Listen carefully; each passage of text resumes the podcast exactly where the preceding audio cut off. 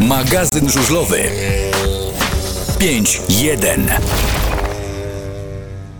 Mamy niby poniedziałek, minęła godzina 20, ale tak naprawdę nie jesteśmy w poniedziałek, tylko z naszym gościem spotykamy się troszeczkę wcześniej, żeby spotkanie nasze zarejestrować. Więc ponownie ci, co na YouTubie nie będą mogli zdawać e, pytań, ale miejmy nadzieję, że wszystkie tematy dzisiaj postaramy się wyczerpać. Jesteśmy w duecie. Gosia po mojej lewej stronie, Chylu z tej strony, pewnie na czacie razem z wami e, cała trójka, czyli Kawu, Roman i Michał. A dzisiejszym naszym e, gościem będzie, nie wiem czy się na mnie obrazisz Jarku, jak powiem, że Jarosław Pabijan najlepszy żużlowy fotograf w tym kraju. Przesadzam? Ja się, ja się łatwo nie obrażam, ale stanowczo przesadziłeś. Dlaczego? E, bo to po pierwsze nie wyścigi, Mhm. e, a po drugie, kurczę, no nikt nie zrobił takich rankingów w ogóle, a jeżeli nawet by były, to prawdopodobnie bym w nich nie wystartował. E, Bo tak jak powiedziałem na początku, to absolutnie nie są wyścigi. E, A ty byś się obraził, gdybyś usłyszał, że jesteś najlepszym radiowcem w tym kraju? Nie, bo wiem, że nie jestem. nie, dobra, Jarku. y, Może wiem, jesteś najbardziej rozpoznawalnym e, fotografem. Tak, rozpoznawalnym na pewno, bo nawet mój szwagier, który jest takim kibicem tylko na naszym stadionie, ciebie rozpoznaje, jak powiedziałem, że będziesz naszym gościem. A, to ten taki wysoki z brudką, to kojarzę. To straszne. No ale na urodę nic nie poradzę, słuchaj. Cofnijmy się trochę, trochę wstecz, y, bo już wiemy, że gdzie były te, te twoje początki, które to były lata, ale ja bym chciał zapytać, czy ty pamiętasz swój pierwszy mecz, nie trening, nie zawody, tylko taki pierwszy stricte ligowy mecz, na którym Jarek Pabijan był fotografem. Mm, Nie, nie, nie, chyba nie. To, to musiał być jakiś 89 rok. E, No i prawdopodobnie był to jakiś sparring Polonii, Mhm. e, ale z kim? Tak mi się trochę plącze po głowie, że, że być może e, mógł to być sparring taki Polska-Szwecja. Kiedyś reprezentanci Szwecji przyjeżdżali na, na, na, na taki cykl turniejów i, i treningów do Polski. Mhm. Ale czy to jest na pewno, to absolutnie nie mam pojęcia. To jakieś czasy takie biało-czarne z zenitem na szyi. Nie mam pojęcia. Musiał to być początek sezonu 8-9, ale co to było, nie wiem zupełnie. Czyli Zenit to był ten twój pierwszy aparat. Taki, z którym wsz- zacząłem fotografować żużel, tak. Wcześniej były jakieś, jakieś wynalazki e, klasy aparatu druh, ale to byśmy się musieli zwrócić do słuchaczy, którzy mają jeszcze, jeszcze bardziej krępujący PESEL niż ja. E, No a potem tak, potem stałem w kolejce całą noc e, w Bydgoszczy przed sklepem fotooptyki i wys- wystałem aparat Zenit 12 XP. Widzisz, bo dobrze powiedziałeś o tym radiowcu, bo praca fotografa i praca radiowca troszeczkę ma wspólnego z sobą. Już ci mówię, bo kiedyś stać się radiowcem i stać się fotografem to był nie lada wyczyn, bo musiałeś mieć dojścia, musiałeś mieć w przypadku radiowcy ra- e, z płyty albo sprzęt i fotograf też musiał mieć aparat, musiał potrafić z niego korzystać i żeby stać się fotografem kiedyś, to trzeba było się namęczyć. Pamiętasz te swoje początki? Zwłaszcza, że to było wszystko na klisze, a nie tak jak teraz cyfrowo. Czy było ciężko? no zdjęcie poprawić. No więc zdjęcia, zdjęcia na pewno na pewno kiedyś robiło się ciężej i, i wymagało to, e, powiedziałbym, większej wprawy, bo na aparatach, na których zaczynaliśmy, tu Gosia bardzo przytomnie zauważyła, zresztą jak zwykle Gosia, e, wymagało to nie tyle wprawy, ale pewnych umiejętności i na tych aparatach nie było czegoś takiego jak, jak napis program, który się włącza w tej chwili w niektórych przypadkach i się po prostu robi zdjęcie, które jest, o, jest dobre. E, A naj, najgorsze, że, że zdjęcie, które wtedy popełniliśmy, no to można było je zobaczyć e, po wywołaniu filmu dopiero na negatywie, a po wywołaniu odbitki na pozytywie, więc to trwało gdzieś tak no, z półtorej godziny po, powro- po powrocie do domu z zawodów. Mhm. Więc nie, nie można było zrobić takiego bardzo typowego ruchu fotoreporterskiego w tej chwili, że robię klik, a potem odwracam aparat i patrzę, co wyszło. Kto cię uczył robić e, zdjęcia? Jesteś samoukiem, czy miałeś swojego mentora? Em, Brat mojej mamy kiedyś był takim, takim właściwie chyba prawie artystą, fotogra- fotografem. I on mnie tą fotografią zainteresował. Na początku kupił mi zresztą pierwszy aparat. E, To było jakoś w podstawówce. I wyglądało to w ten sposób, że ja naświetlałem film, to był aparat średniego formatu, taki pokroju właśnie polskiego drucha. E, ten film był e, wysyłany pocztą do Słupska, tam, tam mieszkał mój wujek. On ten film wywoływał, robił z niego odbitki i przysyłał mi to pocztą z komentarzem, co zrobiłem dobrze, co zrobiłem źle. No a jak przyjeżdżał do Bydgoszczy w odwiedziny, e, to robiliśmy to, to wszystko jakoś tak szybciej. Mm, z grubsza wiedziałem o co chodzi i, i wtedy już sobie kupiłem sam powiększalnik, koreksy, zorganizowałem coś na kształt ciemni. O. No i potem to właściwie można powiedzieć, że, że jestem e, do pewnego etapu samoukiem. Później w związku, w związku z pracą, bo uczę fotografii, musiałem popełnić ileś, ileś kursów takich kwalifikacyjnych, żebym, żebym mógł to robić. A w międzyczasie e, pytałem, obserwowałem, rozmawiałem, kolekcjonowałem w ogóle zdjęcia żużlowe. Nie jakieś tam strasznie, strasznie historyczne, ale dla mnie wtedy współczesne. I tych wszystkich ludzi, którzy fotografowali wcześniej e, ode mnie i uważałem, że robią to lepiej, no to zasypywałem jakimiś pytaniami i, i dużo rozmawiałem z ludźmi po prostu, fotografującymi. To jest e, taka... Stąd, mhm. stąd bardzo, przepraszam, że jeszcze dokończę, stąd bardzo ważny dla mnie e, wątek lubelski. To pewnie jeszcze nawiążemy do tego. Bo dla słuchaczy młodszych to może być archaiczne, że robiłeś zdjęcia, wysyłałeś klisze, tam wujek robił wywołanie, odsyłał ci zdjęcia, to trwało mnóstwo no czasu. Tak, bo ja wtedy tego nie umiałem jeszcze, potem się dopiero nauczyłem. Mnie tego tata nauczył, bo też miał w domu ciemnie, też pierwszy aparat Zenit, y, przesłona ostrość, yy, światło. Yy, tego mam, teraz nie ma. Ja mam w domu y, Zenita po mamie, y, która kiedyś robiła zdjęcia. Czy ty masz swój pierwszy ten aparat jeszcze w domu? Tak. Tak, mam, mam ten pierwszy aparat, z tym, że on już w tej chwili nie przypomina Zenita e, tego właśnie, bo ja zrobiłem mu taki lekki tuning, czyli go e, rozebrałem i wszystkie części metalowe, które jak pamiętasz były czarne, one zostały, e, ta czerń została, farba została zeszlifowana i on w pewnym momencie zaraz po tej, po tej akcji wygląda jakby był złoty. No to oczywiście ten mosion zaśniedział, ale wygląda inaczej już w tej chwili. Myślę, że jest nadal sprawny. Ile zdjęć ze swoich pierwszych y, zawodów poszło do kosza? Pamiętasz procentowo, ile to było? Bo to, bo to jednak klisza. E, trudno mi powiedzieć, ale, ale wtedy mam wrażenie, że robiło się te zdjęcia e, uważniej, ale z drugiej strony ograniczenia sprzętowe były, były gigantyczne, dlatego że, że jeżeli mówimy o, o światłoczułości tych materiałów, no to chyba żeśmy, żeśmy się zagalopowali. E, dlatego, że mm, przekładając to na obecne aparaty, no to na, na, na czarno-białym materiale to, to te czułości kończyły się na, na, na czułości 400 e, ISO, e, a na kolorze to tak naprawdę użytkowo na 800 ISO. W tej chwili właściwie w aparatach przełączamy to znacząco wyżej i jest, jest łatwiej pracować, więc na część zdjęć po prostu się machało ręką i się ich nie robiło, bo było wiadomo, że e, nie mają szans wyjść. Światłomierz nawet w Zenicie pokazywał, że, że to się nie uda.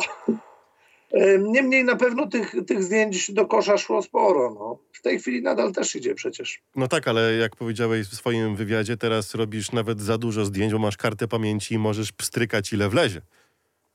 To wszyscy tak mają, ale ja, ja faktycznie robię dużo zdjęć na zawodach, e, tak troszeczkę, żeby było z czego wybrać.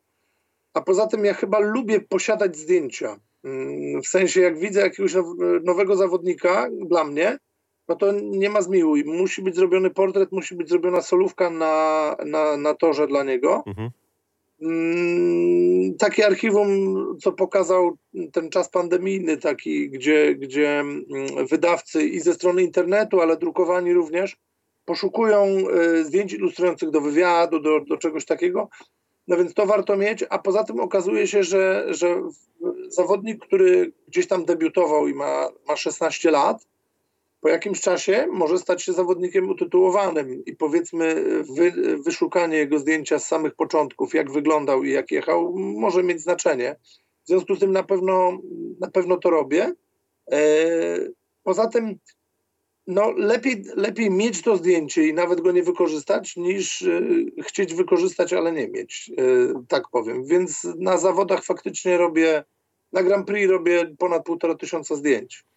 To odnośnie wykorzystania zdjęć, to już troszeczkę skoczymy do przodu z kolejnym pytaniem, ale jeszcze potem wrócimy do twojej historii. Wykorzystanie zdjęć. Miałeś w swojej historii taką sytuację, że ktoś wykorzystał twoje zdjęcie bez twojej zgody? Bo to jest temat, to jest temat dosyć bolący i też dla Gosi, bo wielokrotnie tak się zdarzało, że y, zdjęcia Gosi były w internecie niekoniecznie za jej zgodą. Kradzione. No tak, no, jest taka opcja wyszukiwarki grafik w Google'ach i pierwszy raz jak mi znajomy pokazał coś takiego, no to oczywiście wrzuciłem, wrzuciłem siebie i się przeraziłem, naprawdę się przeraziłem. Mm, więc y, to jest pomysł na emeryturę, wiesz, jak p- przejdę na emeryturę, to wynajmę prawnika i sobie będę dorabiał czwarty filar. Tak sobie myślę. Ale Y, czekaj, do tej pory jeszcze z To tym jest nie nic nie... do powstrzymania. Nie. To jest nie do powstrzymania. Ja staram się nie, nie wrzucać do internetu zdjęć, które nie są podpisane, e, choćby, choćby to. Natomiast e, część e, gazet, z którymi e, pracuję, czy część wydawnictw, wrzuca galerię zdjęć e, nawet bez znaku wodnego, bez, e, bez opcji e, utrudniającej ściągnięcie tych zdjęć, więc no nie do powstrzymania. Po prostu tak jest. Trzeba się z tym do tego przyzwyczaić. Natomiast staram się tropić wykorzystania tej mojej pracy komercyjne. Jeżeli ktoś sobie założył jakiegoś tam bloga mm, czy jakiegoś fanpage'a na, na, na Facebooku, no to kurczę, już trudno, chociaż zdarzają się y, osoby, które, które pytają, czy mogą ewentualnie wykorzystać, bo prowadzą fanpage'a. Natomiast część idzie po prostu po bandzie. y, Wiesz co, ta fotografia się troszeczkę spauperyzowała, ja mam wrażenie. Wszystkim się wydaje, że no przecież skoro masz to zdjęcie, no to ono właściwie przecież nic nie kosztuje, bo aparat cyfrowy to tam klikniesz i masz kartę, Mhm. więc o co, o co w ogóle chodzi? No właśnie, jest takie Eee, zdanie. Na, na starość spróbuję z tym powalczyć, ale to jeszcze długo. Bo też pokazywałem Gosi, masz nawet, jak już dajesz zdjęcia swoje do internetu, jest strasznie duży twój podpis. I to też w pewnym stopniu wyczuwam, że jest takie zabezpieczenie, jakby ktoś chciał go podprowadzić, to ciężko jest skadrować to zdjęcie, żeby usunąć twój Ale są podpis. tacy sprytni, co potrafią to zrobić. A ja nie mam największego podpisu w branży fotografii żużlowej. I okazuje się, że facet, który miał największy podpis, to wywinął największy numer, więc To prawda.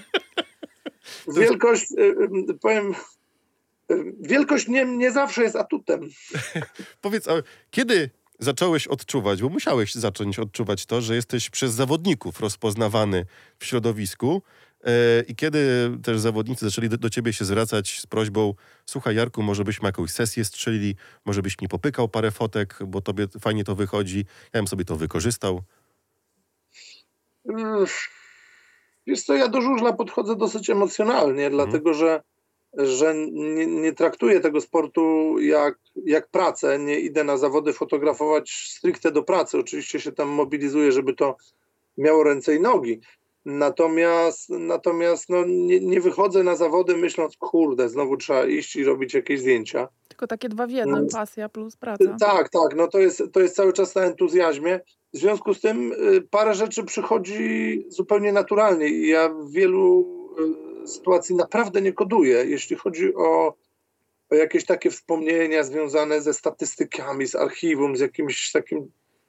No ja nie wiem, no takie rzeczy po prostu się dzieją. Natomiast, ym, natomiast jeśli chodzi o współpracę z zawodnikami, ym, no to wiesz, oni widzą, że y, ja jestem w przeróżnych miejscach, na których oni startują.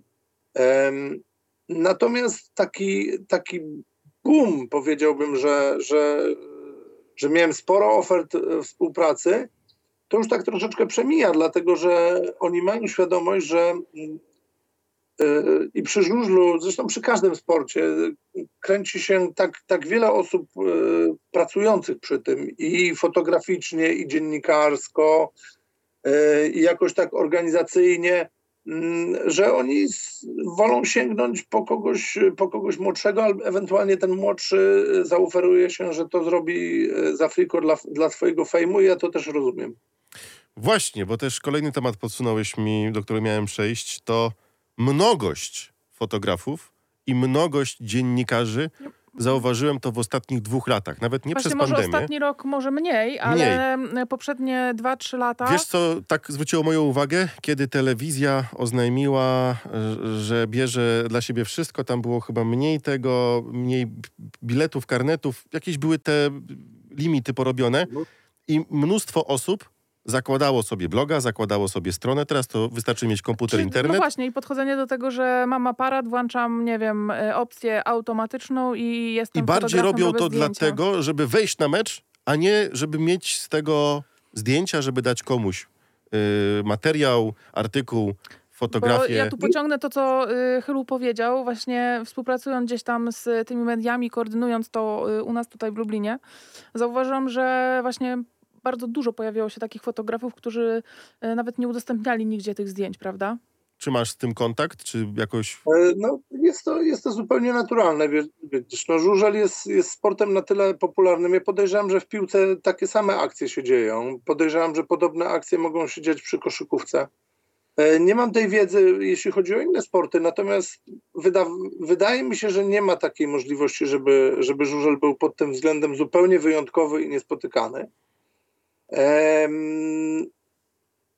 Ja się tak czasami zastanawiam, wiesz, czy, czy założenie sobie, nie wiem, bloga pod tytułem kochamżużel.com albo pl, chociaż nikt tak nie zakłada, bo za taką domenę by trzeba zapłacić, ale załóżmy, to czy to nie robi mimo wszystko popularności tego nasz, temu y, sportowi, przy którym wszyscy pracujemy, więc to nie jest do końca tak, że, że ja bym negował działalność tego typu osób, natomiast z punktu widzenia klubu, z punktu widzenia organizatora zawodów, jeżeli zapewnia się jakieś warunki pracy dla, dla akredytowanego dziennikarza e, czy fotoreportera, e, czekaj, tu muszę jedną rzecz nacisnąć sobie, o, e, to, to chciałoby się, żeby, żeby te działania ze strony organizatora czy klubu przynosiły temu organizatorowi bądź klubowi, bądź e, zawodom, na którym się pracuje, jakąś, jakąś wymierną nie tyle korzyść, chociaż właściwie niech będzie korzyść choćby Mhm. nawet informacyjną.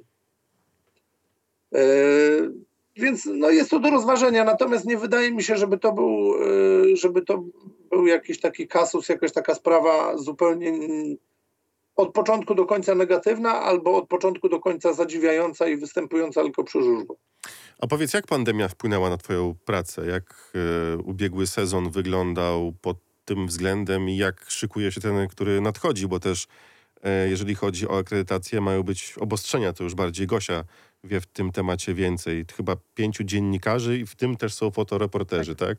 Przy meczach bez publiczności. Więc to, to strasznie małe, małe grono. Jak to u ciebie? To, to są, wiesz co, no to są techniczne sprawy tak naprawdę. Ja się jakby nie stresuję sytuacjami akredytacyjnymi, bardziej się stresuję sytuacjami związanymi z jakością pracy już na samych zawodach i ewentualnego wykorzystania tych zdjęć. Dlatego, że gdybym miał się stresować, wiesz, sytuacją, czy dostanę akredytację, czy nie, to końcowego odbiorcy mojej pracy, czyli czytelnika bądź, bądź kogoś, kto wchodzi na, na, na stronę jakiegoś portalu, to zupełnie nie obchodzi. Yy, Fotoreporter jest, jest rzemieślnikiem tak naprawdę. Ja prowadzę działalność usługową przecież, więc nie będę, yy, yy, oddając buty do szewca, nie będzie cię interesowało, czy on ma jakiś kłopot, żeby kupić butapren, tylko oddajesz i odbierasz sklejone buty. Tak naprawdę co się działo po drodze, to, to klienta tej naszej pracy zupełnie nie obchodzi. Natomiast y, no, trochę się boję zagę- zagęszczenia terminów, dlatego że w zeszłym roku był taki, był taki moment, że wszystko się działo naraz. Y, I oczywiście ja sobie mogę y, z jakąś tam radością taką, bo przecież lubię żużel, powiedzieć, że czegoś takiego jak zrobiłem w zeszłym roku, czyli w ciągu 8 dni pod rząd zrobiłem 12 imprez i że pewnie to się nie uda już, no to to jest jakby wyczyn organizacyjno-kondycyjno-transportowy. Natomiast z punktu widzenia publikacji, no to nie ma szans, żebym ja to, e, ja to opublikował i pokazał ludziom w jakiś, w jakiś sensowny sposób, prawda? Mhm. To jest tak samo, jak były dwa turnieje Grand Prix w sezonie 2020, piątek i sobota. No to z piątku właściwie zdjęcia prawie się nie publikowały, bo zawody się kończą po 22. Gazety takie papierowe, normalne, które, które wychodzą na sobotę, to już są gdzieś od 18 zamknięte i się już, już się drukują. Więc no to połowę, połowę tej pracy idzie do archiwum. No nie powiem, że do śmieci, bo broń Boże, ale idzie do archiwum i czeka na jakiś lepszy czas. Mhm. Więc publikacyjnie to może być kłopot. Y, Poza tym strefy dostępu na, na stadionie, że paru rzeczy po prostu fizycznie nie da się zrobić, no to to jest kłopot, dlatego że idąc na zawody próbujesz wynieść z nich jak najlepszy produkt, tak? To o to chodzi. A powiedz mi, jak ty uważasz, z czego wynika fakt, że właśnie w żużlu y, przy zamkniętych trybunach może pracować tylko pięciu dziennikarzy, a na przykład tam piłce y, nożnej, ręcznej czy koszykówce tych dziennikarzy jest znaczna y, ilość, Tam bo chyba 20 jest normalnie, 30 tam chyba nie ma obostrzeń. Jest tak jak w sezonie nie ma, normalnym a z są kibicami. dużo bliżej, na- że na tak pił- powiem. Na piłce, na piłce w zeszłym roku były na pewno obostrzenia i w tym roku chyba, chyba też, e, też jakieś, tam, jakieś tam są. Być może wynika to z tego właśnie, co poruszyliśmy wcześniej, że e, przy żużlu kręci się bardzo duża ilość e, takich kosmitów trochę. No tak, ale tu ci I wejdę my w zdanie. jesteśmy jako media pracujące przy, przy żużlu, my nie jesteśmy przez organizatorów, ja nie mówię o sobie, tylko mówię globalnie, czy nie mówię o was, nie mówię o tobie Gosia, ale jako, jako ludzie pracujący przy żużlu nie jesteśmy traktowani y, poważnie, dlatego że y, działacze mają świadomość, że jeżeli nie porozmawiają y, z tobą, E, no to przyjdzie jeszcze pięciu ludzi, którzy podetknie, podetknie mikrofon i będzie można porozmawiać. Ewentualnie zrobią to własnym klubowym sumptem i zawieszą te wywiady, te rozmowy czy te zdjęcia w internecie i przecież będzie dokładnie tak samo.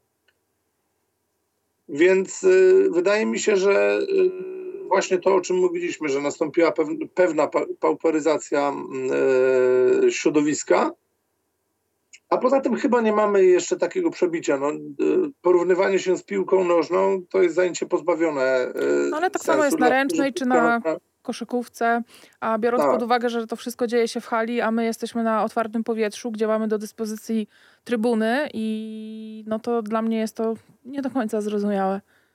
Przynajmniej To dla jest mnie. tak, że kiedyś, kiedyś e, prowadząc, prowadząc biura prasowe e, przy okazji turniejów Grand Prix, zresztą cały czas mi się zdarza współpracować z organizatorami, e, naprawdę byście się ciężko zdziwili, e, kto się próbuje e, akredytować. Ale to są techniczne rzeczy, Aha, to, których to tak naprawdę mogę ci uwierzyć. Myślę, myślę, że, myślę, że kibic. y, Dla kibica to absolutnie nie ma, nie ma znaczenia. No, Dla kibica pewnie nie. Chciałem no zapytać... tak, ale, a, a my nie będziemy, nie będziemy tutaj płakać, poradzimy sobie. Chciałem zapytać o takie sprawy czysto techniczne. Czy masz swój ulubiony stadion, na którym uwielbiasz robić zdjęcia, bo wiesz, że gdzie byś się nie ustawił, to fotki wyjdą znakomite. No wiesz, I- tam poza Lublinem, poza nie? Lublinem. I... Ale to zaraz będzie kolejne pytanie. Na razie ten ulubiony. Mm, Chyba nie.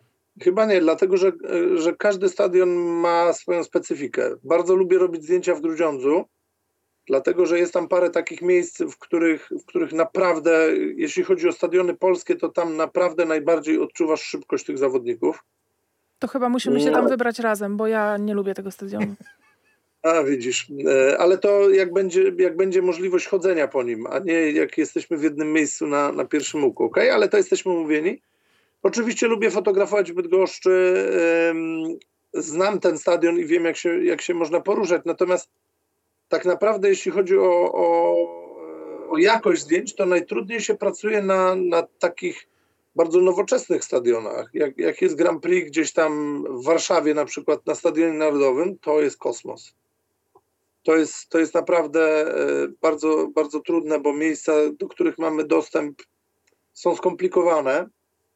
Jeśli chodzi o, o wypatrzenie e, fajnej sytuacji na torze, czasami jesteśmy za nisko, czasami banda zasłania, czasami coś takiego. Stadion generalnie myślę, że trzeba znać, ale najważniejsze w tej całej zabawie jest to, że właściwie na jakikolwiek stadion by się nie po, poszło na żużlu, to wcale nie jest powiedziane, że fajne zdjęcia, czy tutaj fajne zawody będą na poziomie ekstraligowym, dlatego że bardzo fajnymi zawodami naprawdę i do oglądania, i do fotografowania może być, nie wiem, jakiś w tej chwili już takich zawodów nie ma, ale powiedzmy półfinał brązowego kasku, to mogą być cudne rzeczy.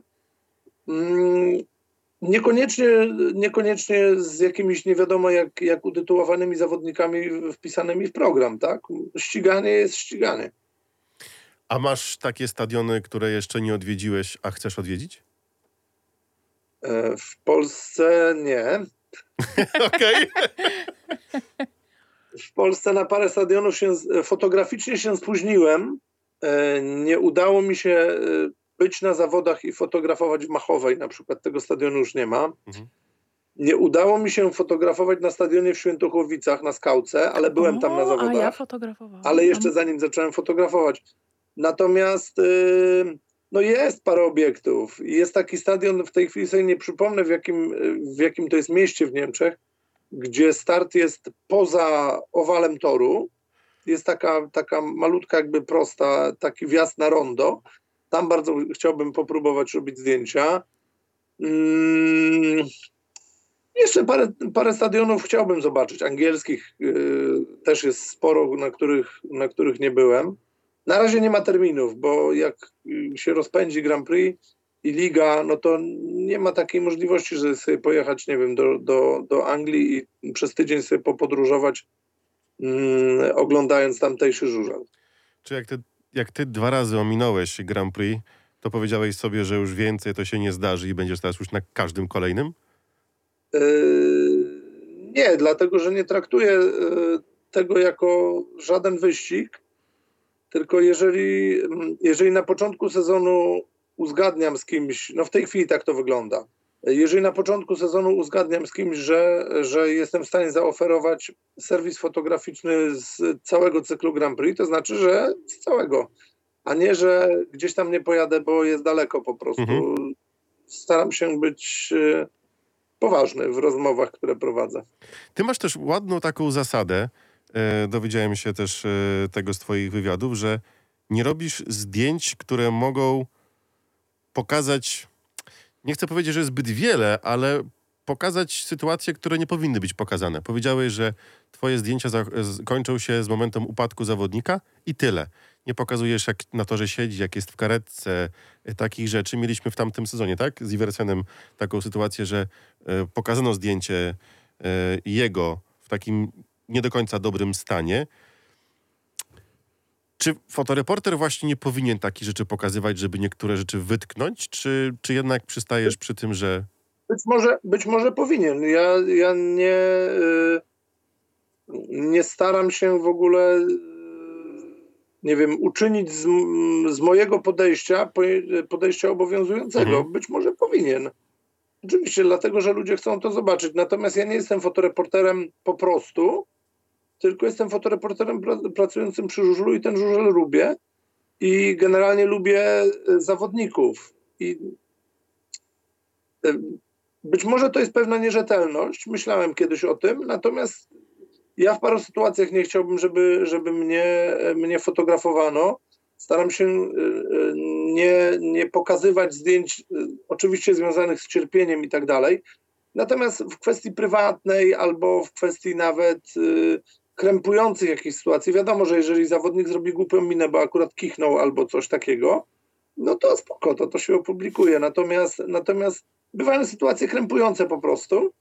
No i po co to? Wydaje mi się, że oprócz tego, że, że robię zdjęcia, to jestem częścią tej, tej sytuacji pod tytułem sport żużlowy. Mhm. No i chciałoby się, żeby, żeby to miało ręce i nogi. A jeśli chodzi o podejście do upadków i do cierpienia zawodników, no to ja chyba mam dość dobre kontakty z zawodnikami i byłoby mi po prostu głupio. Czasami razem podróżujemy, czasami razem spędzamy czas. No i po prostu byłoby mi głupio, yy, że tutaj jesteśmy koledzy, haha, ale chwilę wcześniej wlazłem ci z butami w sytuację, w, której, w której byłeś. To wydaje mi się słabe. Natomiast to nie jest żaden wyznacznik. Ja absolutnie nie, nie, nie ingeruję w to, co robią inni. Czasami wydaje mi się to nie- niesmaczne, ale to nie jest obowiązujące. Ja nie jestem żadnym wyznacznikiem, Mhm. że tak ma być i wtedy jest dobrze. Bez, bez takich rzeczy. A z zawodnikami, z którym, jakbyś mógł powiedzieć, współpracujecie najlepiej i tworzycie taki team, albo nawet możesz powiedzieć, że to, to są twoi dobrzy kumple albo przyjaciele. Masz takich zawodników? Oczywiście. Bardzo lubię Piotrka Protasiewicza i bardzo dobrze się z nim, e, z nim pracuje. E, No teraz on, on startuje w Zielonej Górze, w związku z tym tych kontaktów nie, takich fotograficzno-sportowych nie ma tak bardzo dużo, niemniej, niemniej cały, czas, e, cały czas jakoś tam pracujemy. Mm, Piotr jest bardzo ogarnięty, tu jest, mm, jeśli chodzi o rzeczy, których potrzebuje, tu jest spora zasługa jego, jego wieloletniego sponsora e, spod Bydgoszczy, z którym on jest właściwie od drugiego swojego sezonu, e, kiedy startował w Polonii. Mm, Od każdego się można sporo nauczyć, e, jeśli chodzi o to, czego zawodnicy oczekują od, od współpracowników swoich medialnych. Bardzo fajnych rzeczy się nauczyłem na przykład od menedżera Nikiego Pedersena, od Helge Pedersena. I cały czas kontakt jakby taki, taki e, profesjonalny utrzymuję z, z nikim, e, Niki korzysta z, z moich prac. Bardzo dużo się nauczyłem od Andreasa Jonsona w czasach, w czasach kiedy startował w Bydgoszczy. E, Wiesz, oni, oni są e, pracodawcami i są słupami reklamowymi i w tej chwili jeszcze, jeszcze zawodnicy są obarczeni pewną, pewną taką odpowiedzialnością za to, co się wokół nich dzieje w mediach społecznościowych. W związku z tym to oni poprzez kibiców, ewentualnie przez kogoś, kto im te media społecznościowe prowadzi, wiedzą, czego oczekują. Ja czasami nie jestem w stanie na to wpaść, co im jest potrzebne. Więc jeżeli wiedzą, to ja to sobie, ja to sobie koduję jakoś tak, żeby, e, żeby być użytecznym, żeby być cały czas na fali jakoś, nie? Mhm. E, Pytanie jeszcze moje, tak już No a trochę- ja tu jeszcze chciałam pociągnąć, no bo współpracujesz, jeśli dobrze pamiętam, z naszym mistrzem świata. Mhm. No i jak taka współpraca ci się z Bartkiem z Marzlikiem układa? Jaki E, jest Bartek w takiej E, kolaboracji? Ja, e, to, jest, to jest tak najbardziej, jeśli chodzi o bezpośrednie rozmowy, to jest, to jest tak naprawdę bardzo współpraca z, z człowiekiem, który prowadzi właśnie media społecznościowe dla, dla Bartka i z Pawłem, czyli ze starszym bratem Bartka. Oni dostają ode mnie, myślę, że za dużo zdjęć. Znaczy, nie, nie w sensie, że ja przeinwestowuję, broń Boże, tylko ja im wysyłam właściwie wszystko, wszystko co, tam, co tam się z tym Bartkiem zdarzyło u mnie na aparacie. E, I e, tak naprawdę, tak naprawdę e, czy Paweł, czy, czy osoby, które, które kreują różne rzeczy związane z Bartkiem, mogą potrzebować jakieś zdjęcie inaczej skadrowane, większe, mniejsze. E, No to ja to wszystko, wszystko po prostu, po prostu robię tak, żeby, żeby i wykorzystanie tych moich zdjęć było jak najbardziej logiczne i jak najbardziej użyteczne dla teamu, dla którego pracuję.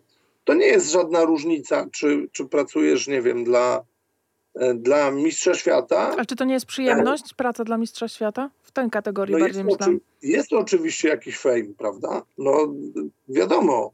Zawsze wiadomo, na Grand Prix na strony- przykład zwróciłam uwagę, tak, e, jak biegniemy do tego podium, jak jeszcze można było, tak, e, to zawsze Bartek e, patrzy w twoją stronę, on wie, gdzie cię znaleźć, gdzie cię wyhaczyć, czy potem przy podium, tak. Zawsze jest ta taka wzrokowa łączność. Ale zwróć uwagę, że dzięki temu on, on, on dostaje zdjęcia, na których patrzy w oczy kamery, A, czyli, tak.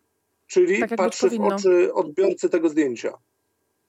Tak, więc jeżeli, jeżeli on wie, że on dostanie ode mnie, dosta, dostanie ode mnie zdjęcie z podium, to po opublikowaniu to jest tak, że ktoś to odpala na ekranie komputera i kurczę, Bartek z Marzlik patrzy mi po prostu centralnie w oczy. Chodziło mi bardziej o to też, że nie musisz go, wiesz, tam wołać, tylko po prostu on już ciebie wyszukuje i po prostu patrzy w, w, tak w obiektyw tam, gdzie powinien. Bo jestem duży i łysy, Gosia. To może być trudne pytanie. Jaki jest przepis według Jarka Pobijana na dobre żużlowe zdjęcie? E, W sensie, co to znaczy, że takie zdjęcie jest dobre, czy w sensie, jak je zrobić? Jak je zrobić? Jakie jest to dobre zdjęcie żużlowe? No bo przy każdej, przy każdym, nie wiem, czy, czy ktoś jest radiowcem, czy fotografem, czy rzeźbiarzem, musisz mieć to coś. To coś, co daje ci przewagę nad innymi i wiesz, kiedy pstryknąć, jak pstryknąć, co zrobić. Czy masz taki swój przepis, jakby na przykład tu siedział laik, co musiałby zrobić, żeby być dobrym fotografem żużlowym? I nie tylko. Em, Może zacznę od, od, tego, drogi, od tego drugiego bieguna. E, Wydaje mi się, że dobre zdjęcie żużlowe, czy dobre zdjęcie sportowe, przede wszystkim, tak ogólniej mówiąc, to jest takie zdjęcie, które e, zostało opublikowane.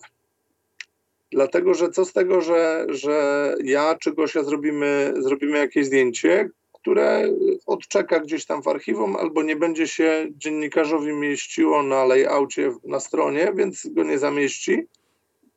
No i ono być może i jest dobre, bo nam się podoba, ale, ale to jest taki, taki element, który nam się tylko podoba i nikomu więcej, bo nikt więcej tego nie zobaczył. Na pewno dobre zdjęcie sportowe, ale myślę, że już też ogólne dobre zdjęcie, to jest takie, które podoba się ludziom. Dlatego, że my możemy mieć trochę jako autorzy tych zdjęć, tak samo jak autorzy prac- plastycznych, trochę spaczone podejście i jakiś taki, że my coś bardzo lubimy i nam się podoba, ale jakby nie oszałamia e, odbiorców, a tak jak powiedziałem kilka kapitów powyżej, my jesteśmy rzemieślnikami i prowadzimy działalność usługową. Em, Sport jest taki dziwny, wiesz, jeśli chodzi o fotografowanie, dlatego że, że może przyjść laik i akurat będzie stał w takim miejscu, w którym nikt, kto się zna na tym sporcie, nie pójdzie i się nie ustawi, bo tam nigdy nie, tam, no, nic się nigdy nie zdarzyło, nie ma prawa się nic zdarzyć. I właśnie Benz się zdarzyło i on, on to zrobił. Jeżeli miałbym wymyślić taki przepis na to, żeby, y, żeby zwiększyć szanse swoje na, na zrobienie dobrego zdjęcia, mm, to ja bym jednak powiedział trochę o sprzęcie.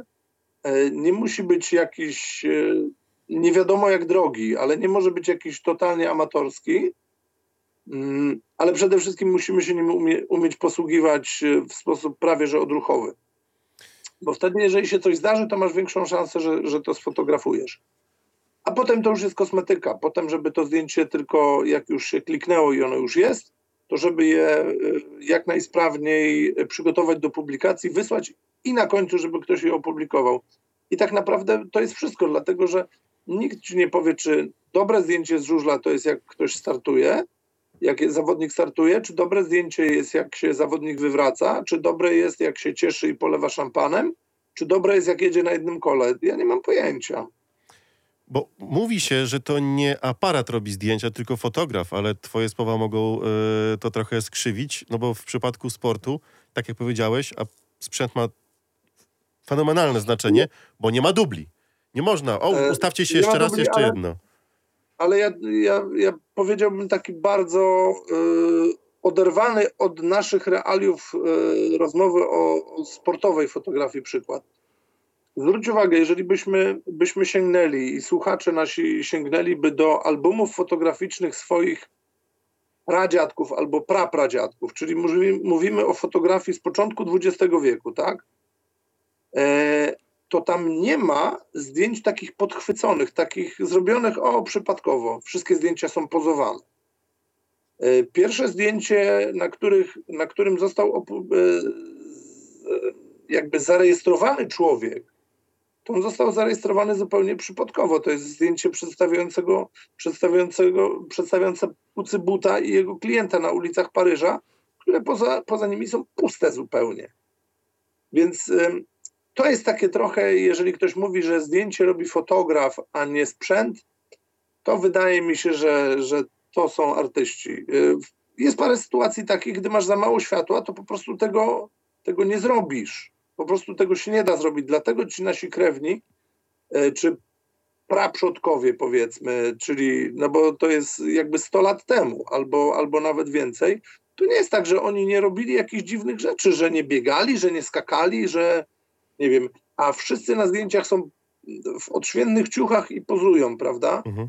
To nie wynika z tego, że oni nie chcieli mieć innych zdjęć, czy nie było pomysłu na te inne zdjęcia, tylko po prostu fizycznie nie było możliwe ich zrobić, bo czas naświetlania takiego zdjęcia wynosił kilka sekund, więc trzeba było usiąść, zrobić poważną minę i się dać sfotografować. Więc no to jest chyba odpowiedź, czy sprzęt, czy fotograf.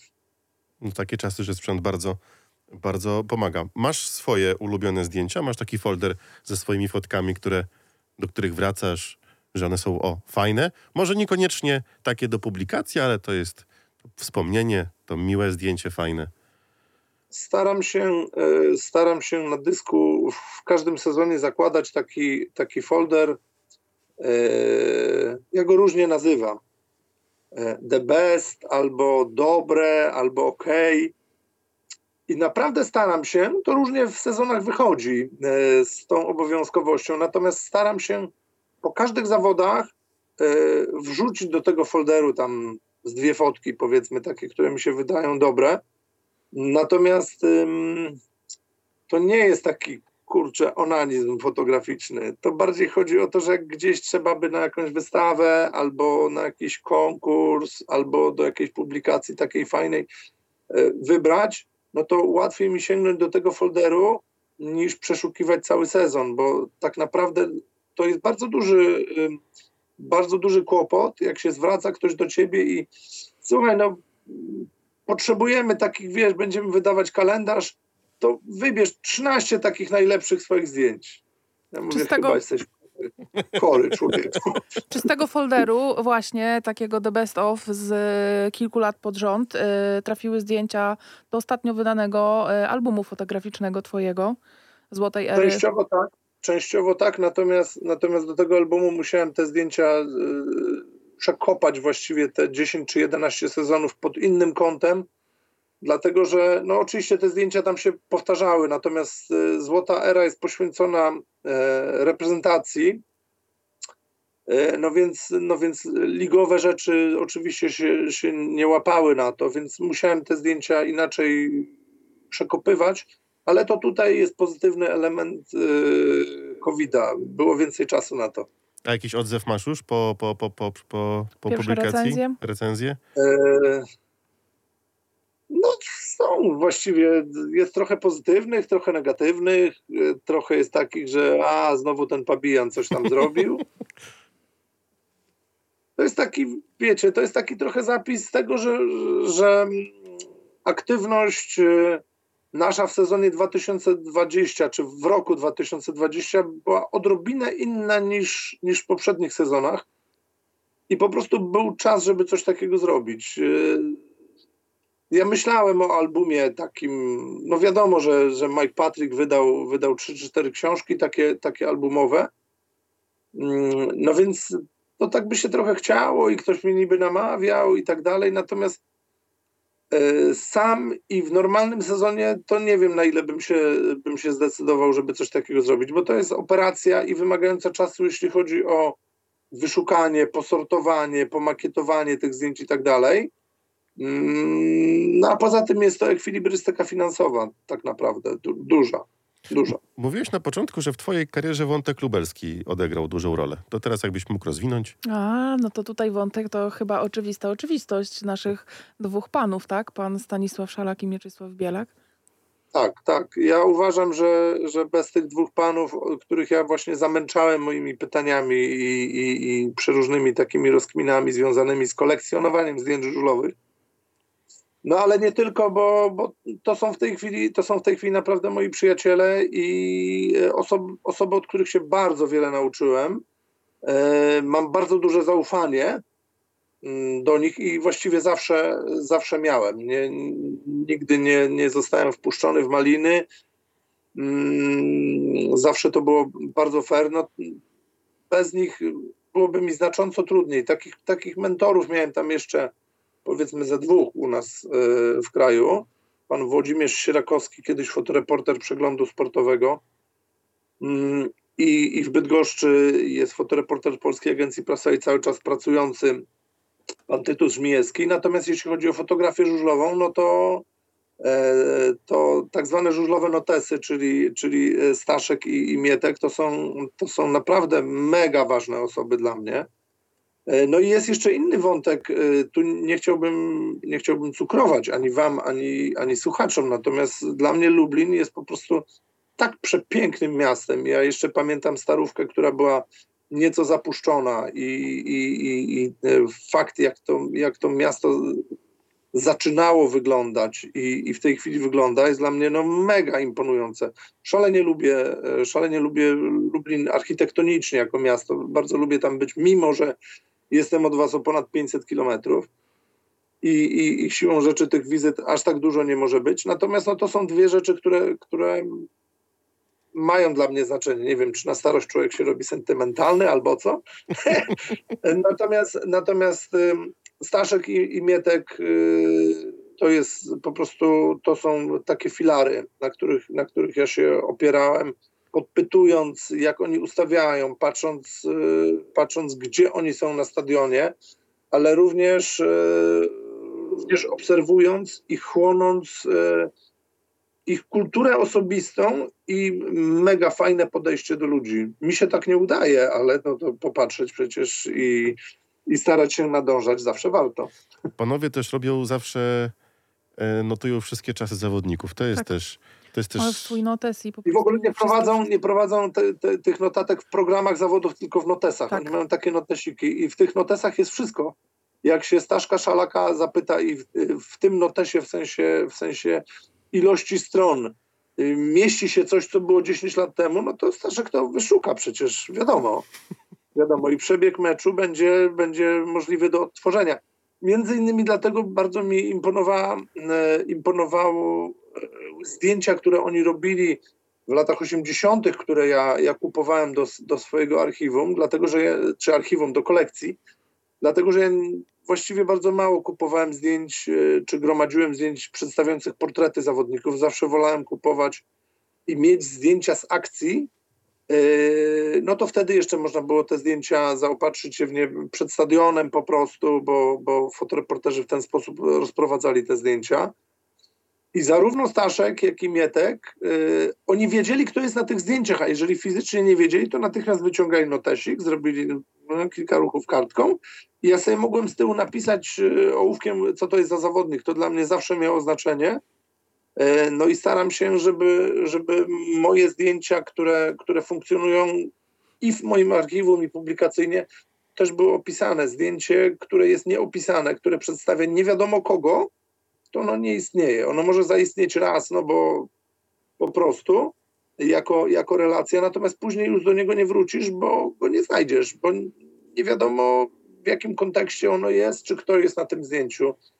W tej chwili, jeżeli, jeżeli jakaś redakcja mm, prosi mnie, nawet dzisiaj miałem, miałem prośbę od portalu po bandzie, e, czy mam zdjęcia Marka Garsztki z Ostrowi Ostrów. No, wystarczyło dwa kliknięcia w komputer, na którym mam archiwum i wyświetliły mi się zdjęcia, wszystkie zdjęcia Marka Garsztki, które mam, a to były jakieś nieprawdopodobne lata chyba. No już zamknąłem ten folder, więc nie posłużę się konkretnymi datami, ale, ale yy, no jest to łatwe do znalezienia i to jest na pewno wpływ, wpływ tych panów, o których rozmawialiśmy. Kłaniam się naprawdę bardzo nisko, jak zresztą zawsze, kiedy mam okazję z nimi przebywać. Jeszcze jeden został nam, żeby zaprosić do audycji, ale tak jak się wszystko uspokoi, to też go zaprosimy. Ja pamiętam, że ja ich zdjęcia zawsze kupowałem przed stadionem, przed meczem, że mieć na co zapać autograf potem od, od, Tak, od, tak, tak. od zawodnika. Y, Do ciebie pytanie jeszcze, Jarku. No. Takie trochę pozażużlowe. Jak Mhm. Jarosław Pabijan odpoczywa od aparatu i czy w ogóle zdarza ci się odpocząć od aparatu? Jeżeli tak, to co robisz w wolnym czasie? Jak ten czas posezonowy u ciebie wygląda?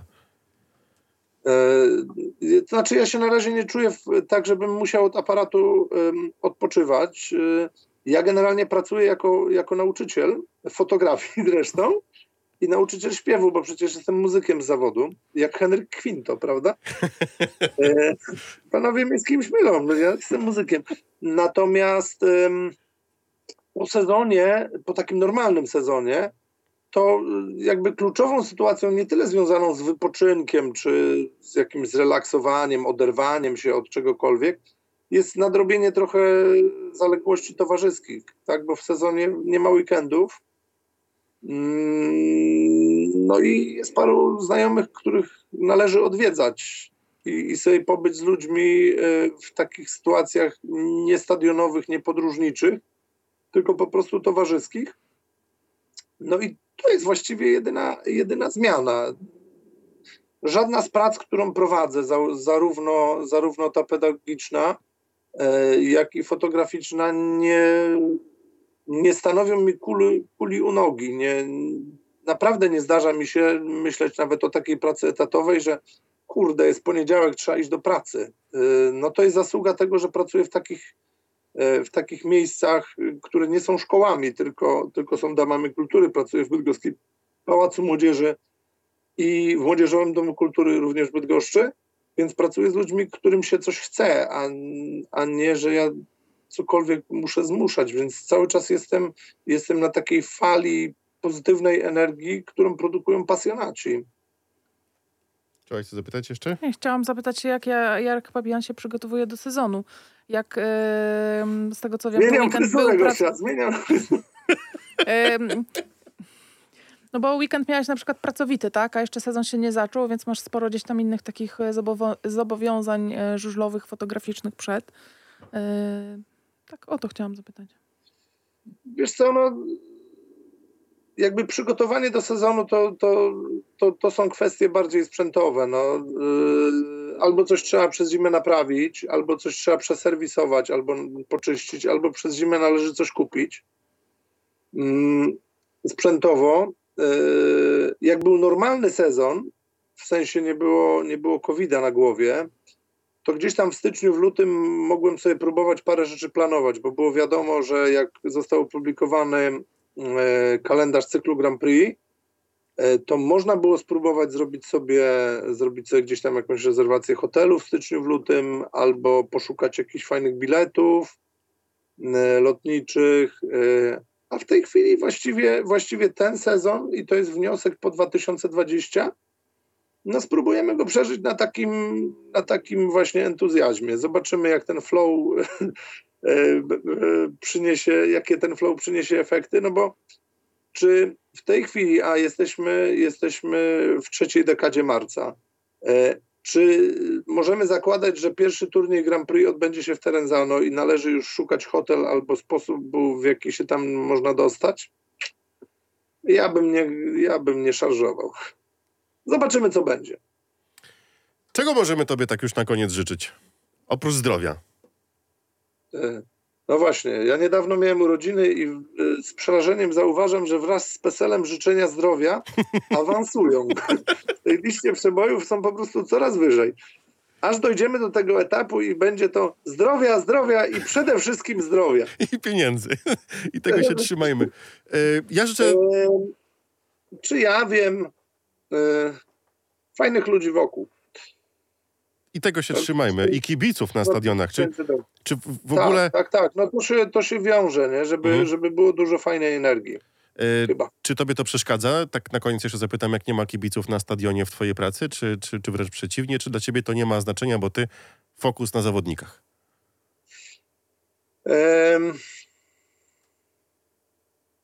To są dwa bieguny, dlatego że, że e, jeżeli stadiony są otwarte częściowo, to ja na, ty, na przynajmniej na dużej części stadionów mogę się poruszać tylko w pewnych strefach. To to jest, jest kłopot. Mhm.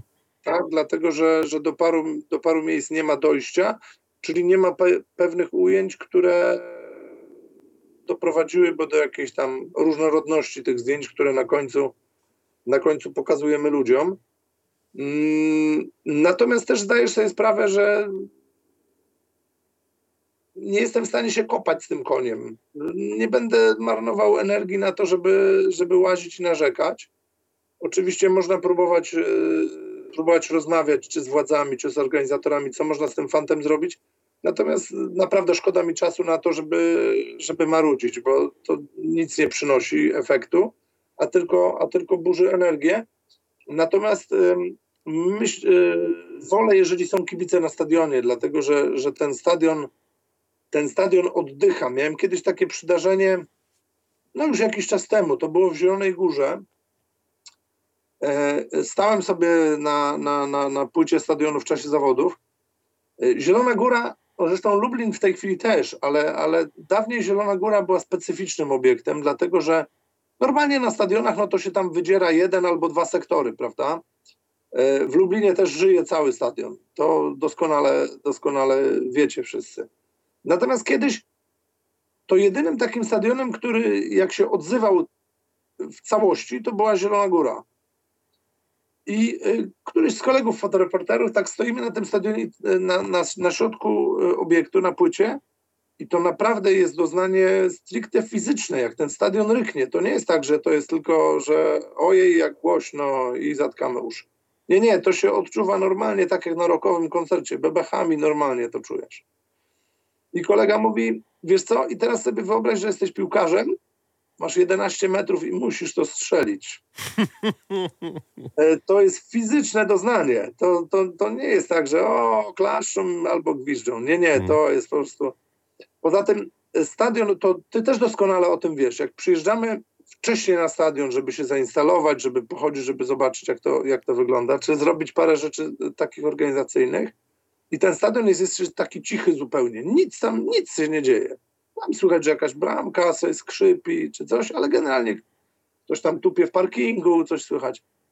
I im bliżej zawodów, to ten stadion ożywa w taki, w taki bardzo specyficzny dźwiękowo sposób. Ja jako muzyk, kurczę, słucham tych dźwięków. Tu jakiś ciągnik wyjedzie, tu ktoś odpali motocykl, wraz, wraz ze wzrastającą ilością kibiców na stadionie jest taki szum, który, szum rozmów, który, który się podnosi, podnosi, jest go coraz więcej. E, Ja nie ukrywam, że mnie to nakręca. To jest po prostu taki, taki zastrzyk adrenaliny, mm, który wraz, wraz z tym pierwszym wyścigiem, czy z eksplozją e, radości jakąś, czy z czymś takim, no to jest więc bez kibiców to ciężki temat. A w tym w ubiegłym roku byłem na zawodach w Gorzowie z Unią Leszno, na których y, było tylko pięciu przedstawicieli mediów i zawodni, no i jechały zawody. Te zawody pojechały bez speakera, bez tablicy wyników. No to takie trochę, takie trochę jak trening. Przyznam się trochę ze wstydem, że w pierwszym biegu wtedy taśmy dotknął Bartek Zmarzlik. Y, Ja nie, wywo- nie wyłapałem tej sytuacji, że tam było dotknięcie taśmy. Myślałem, że bieg jest powtórzony z powodu słynnych mikroruchów na starcie. Mhm. No i na drugim czy trzecim kółku tego pierwszego biegu powtórzonego widzę, że kask czerwony jedzie ostatni. Ja mówię, przecież to jest niemożliwe, żeby Bartek u siebie jechał ostatni. To jest, no, no nie. No i właśnie tak już na trzecim czy czwartym kółku się przyjrzałem, że to nie jedzie Bartek, tylko rezerwowy za nim. Czy jakokolwiek, jaki, jakikolwiek sposób zmieniło się twoje postrzeganie żużla, jak zacząłeś być bardzo blisko i patrzeć przez obiektyw? Kibicowanie trochę się zmieniło? Mm, Z pewnością tak, ale nie jestem w stanie tego, tego zdiagnozować. Z pewnością tak, bo wiem więcej. Mm, Natomiast cały czas się czuję kibicem i, i, i, powiedziałbym wielbicielem tego sportu, a w parę rzeczy po prostu nie wchodzę. Na przykład nie rozmawiam w ogóle z zawodnikami na temat pieniędzy, Mhm. które oni zarabiają. Nie interesuje mnie to w żadnym stopniu. Nie mam pojęcia, co oni mają w kontrakcie, ile mają za punkt i tak dalej. Praca, praca. W związku z tym nie odzieram tego, tego sportu, który naprawdę lubię, e, z takiego, z takiego nimbu, wiesz, takiego święta, takiej, takiej, nie, takiej niezwykłości. Niech to takie sobie będzie, lepiej mi z tym chyba. I tego ci życzę, żeby tak było przez cały czas, przez całą twoją karierę e, i żebyśmy się mogli Karierę. spotkać. Teraz, Karierę. No, teraz cisnąłem. nie, no, przepraszam cię bardzo, ale w środowisku e, fotografów No nie, no nie, jeżeli trzeba powiedzieć. To, że, że nie każdego zaprasz, zapraszasz do radia, no to dobrze. No. Y, Zdrowia, kibiców, dobrego żużla, fajnych fotografii. Tego oczywiście Ci wszyscy życzymy, abyśmy się na stadionach spotykali. Dziękujemy, że dzisiaj nam ten czas poświęciłeś. Dzięki wielkie. Dziękuję bardzo mi miło. Pozdrawiam wszystkich. Naszym gościem dzisiaj był Jarek Pabijan. Jeszcze raz wielkie dzięki. Do zobaczenia. Magazyn żużlowy 5.1.